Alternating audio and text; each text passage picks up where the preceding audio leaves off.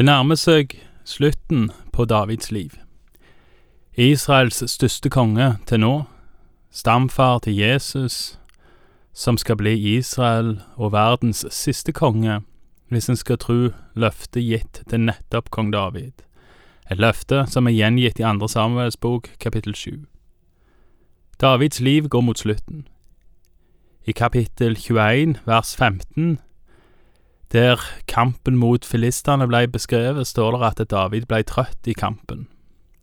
Det står i voldsom kontrast til sangene som kvinnene sang om han i hans ungdom.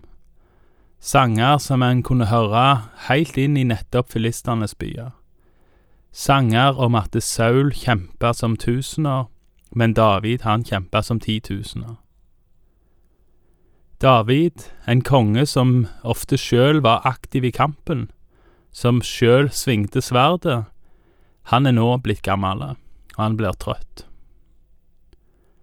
Mannen som både forfatteren av Samuelsbøkene og Paulus forteller hva mannen etter Guds hjerte skal snart dø. Og snart skal vi høre det som sies å være Davids siste ord. Vi leser ifra andre Samuels bok, kapittel 23, vers 1. Dette er Davids siste ord. Så sier David, Isais sønn, så sier mannen som høyt var satt, Jakobs Guds salvede og Israels glade sanger. Herrens ånd taler gjennom meg, og hans ord er på min tunge. Det er, så langt jeg har forstått, flere måter å tolke dette på, med at dette skal være Davids siste ord. Den ene måten er at de er kronologisk noe feil plassert i kapittel 23 fordi David sier en hel del etter dette. Og det skjer i alle fall en del, hel del ting etter det som blir beskrevet i kapittel 23. Davids død er ikke beskrevet før i første kongebok, og landet skal gjennom en folketelling, pest og et forsøk på revolusjon før vi kommer til Davids død. Hvis det skulle være feilplassert, så kan en anta at orda heller skulle vært etter Davids innsettelse av Salomo, og før han dør. Eventuelt kan Davids siste ord ses på som en oppsummering og et form for testamente. Han vet at han snart skal dø, og kommer med noen siste ord i rimelig tid før han skal dø, for å sikre seg at han får uttrykt sitt budskap. En annen mulighet kanskje den jeg syns mest om, er at vers én og to henger nøye sammen, og det vi her leser er Davids siste ord der Herrens ånd talte gjennom han, og Herrens ord var direkte på hans tunge. Med andre ord, siste gang David var profet, i tillegg til å være konge. Vi leser videre fra vers tre. Israels Gud har talt. Til meg har Israels klippe sagt. Det skal være en hersker over menneskene, en rettferdig, en hersker i gudsfrykt. Han skal være lik morgens lys når solen går opp, en morgen uten skyer, når gresset spirer fram av jorden ved solskinn og ved regn. For har ikke mitt hus det slik med Gud? En evig pakt har han gjort med meg, ordnet i alle deler og trygghet. All min frelse og alt godt, skulle han ikke la det gro fram? Men de onde, de er alle sammen lik torner som ryddes bort, som folk ikke tar med i hånden. Den som vil nærme seg dem, må væpne seg med jern og spydeskaft, og så brennes de opp med ild der hvor de står. Davids siste ord er disse sju vers. Og hva handler disse versene om? De handler ikke om Davids rike fram til nå. De handler ikke om hans veldige gjerninger, hans veldige makt, eller hva han, eller Gud for den del, har fått gjennomført til nå. Davids siste ord, hans siste profeti, handler nettopp om det som skal komme, det er derfor det er en profeti. Og det som skal komme, det er en hersker over menneskene, en gudfryktig og rettferdig hersker, lik morgensens lys når sola bryter gjennom og trenger mørket bort. Sånn så et frø som dør og bryter gjennom den mørke jorda som en ny plante. Og hvor skal Gud la denne planta, dette rotskuddet, komme ifra, Jo, nettopp ifra Davids ett, sånn som han har lovt David gjennom profeten Natans ord i kapittel sju. Dette skal Herren gjøre til tross for de onde som prøver å hindre det. Davids siste ord peker framover. De peker, tror jeg, mot Jesus. Ikke mot hans første komme som et lite barn, men mot hans andre komme, som rettferdig hersker, men òg som dommer. Som dommer, i alle fall skal vi tro døperen Johannes' ord gjengitt i Matteus 3 vers 12. Davids siste ord, hans siste profetiske ord, peker mot Jesus, den salvede. Den salvede heter Messias på hebraisk og Kristus på gresk. Vi leser videre om Davids helter og deres storverk ifra vers åtte. Dette er navnet på Davids helter. Josheb Bashebet, takmonitten, høvding for de tre. Han svingte sin lanse over 800 falne på én gang. Etter ham kom Eleser, sønn av Dodo fra Aoi. Han var en av de tre heltene som var med David da de hånet filisterne som var samlet der til kamp. Da så Israels menn dro seg tilbake, reiste han seg og hogg inn på filisterne, til hans hånd ble så trett at han hang fast ved sverdet. Den dagen ga Herren dem en stor seier, og da folket vendte om og fulgte ham, hadde de ikke annet å gjøre enn å plyndre de falne. Etter ham kom Shamma, sønn av Aga, hararitten. Filisterne hadde en gang samlet seg til en hel flokk, og der var det et jorde som var fullt av linser. Da nå folket flyktet for filisterne, stilte han seg midt på jordet og berget det og slo filisterne. Og Herren ga dem en stor seier. En gang da det led mot høsten, dro tre av de 30 høvdingene ned og kom til David i hulen ved Adullam. Filisterflokken lå i leir i Refaimdalen. David var den gangen selv i borgen, og filisternes forpost var i Betlehem. Da kom det en brå lyst over David, og han sa, Hvem lar meg få vann og drikke av den brønnen som er ved byporten i Betlehem? Da brøt de tre heltene seg gjennom filisternes leir og øste vann opp av brønnen ved byporten i Betlehem. Og de tok det med seg og kom til David med det. Men han ville ikke drikke det, han øste det ut for Herren, og han sa, Det skal være langt fra meg, Herre, å gjøre dette.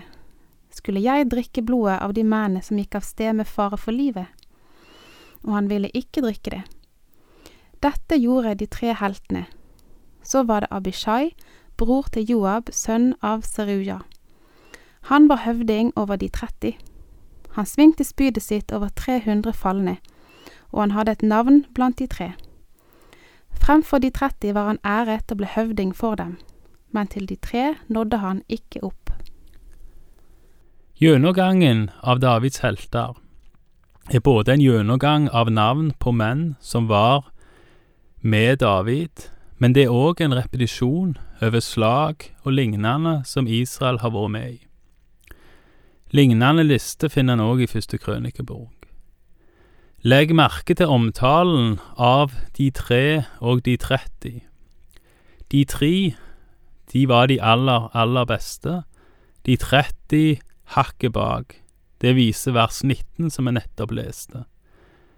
Abishais bror, han ble æra som en av de 30, men sånn som jeg forstår det, så ble han ikke regna blant de tre. Vi leser videre fra vers 20. Så var det Benaya, sønn av Jojada, som var sønn av en djerv og seierrik stridsmann fra Kapseel. Han slo Moabs to løvehelter. En dag da det hadde snødd, steg han ned i en brønn og slo i hjel en løve. Likeså slo han i hjel en egypter, en kjempestor mann. Egypteren hadde et spyd i hånden, men han gikk ned mot ham med staven sin og rev spydet ut av hånden på egypteren og drepte ham med sitt eget spyd. Dette gjorde Benaja Jojadas sønn. Han hadde et navn blant de tre heltene. Fremfor de 30 var han æret, men til de tre nådde han ikke opp. David satte ham over livvakten sin. Asael, Joabs bror, var blant de 30. likeså Elanan, sønn av Dodo, fra Betlehem. Haroditten Shamma, haroditten Elika, paltitten Heles, tekoitten Ira, sønn av Ikesh.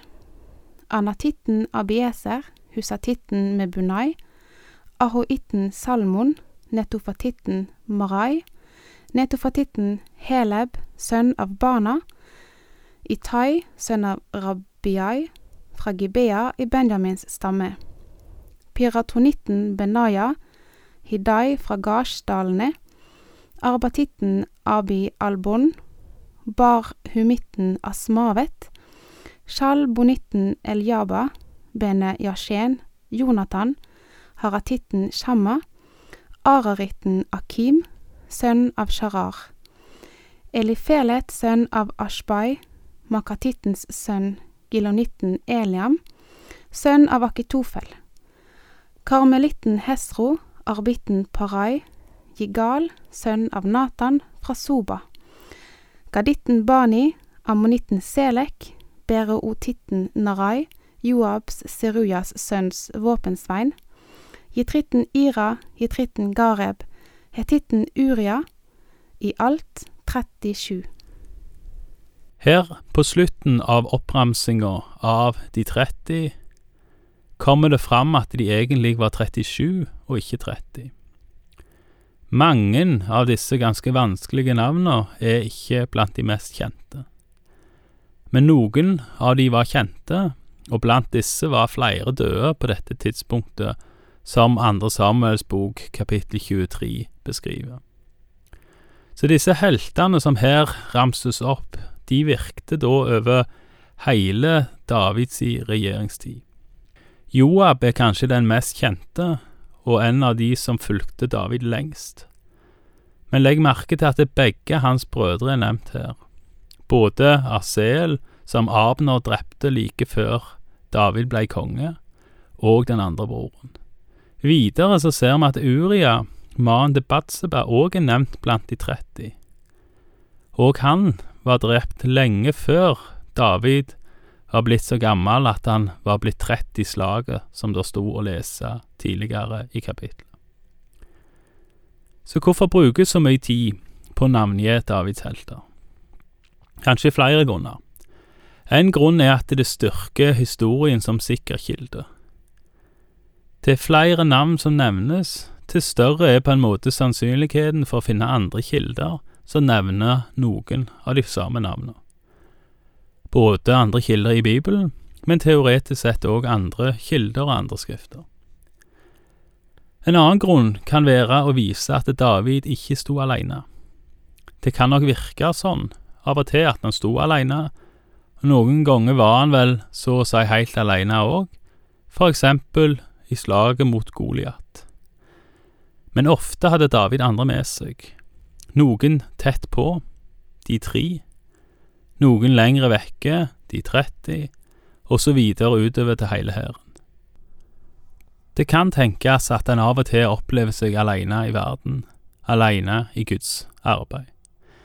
Det kan tenkes fra tid til annen at en er så å si alene, sjøl om vi som kristne aldri er alene, fordi Jesus har lovt at Den hellige ånd skal være med oss alle dager inntil jordens ende.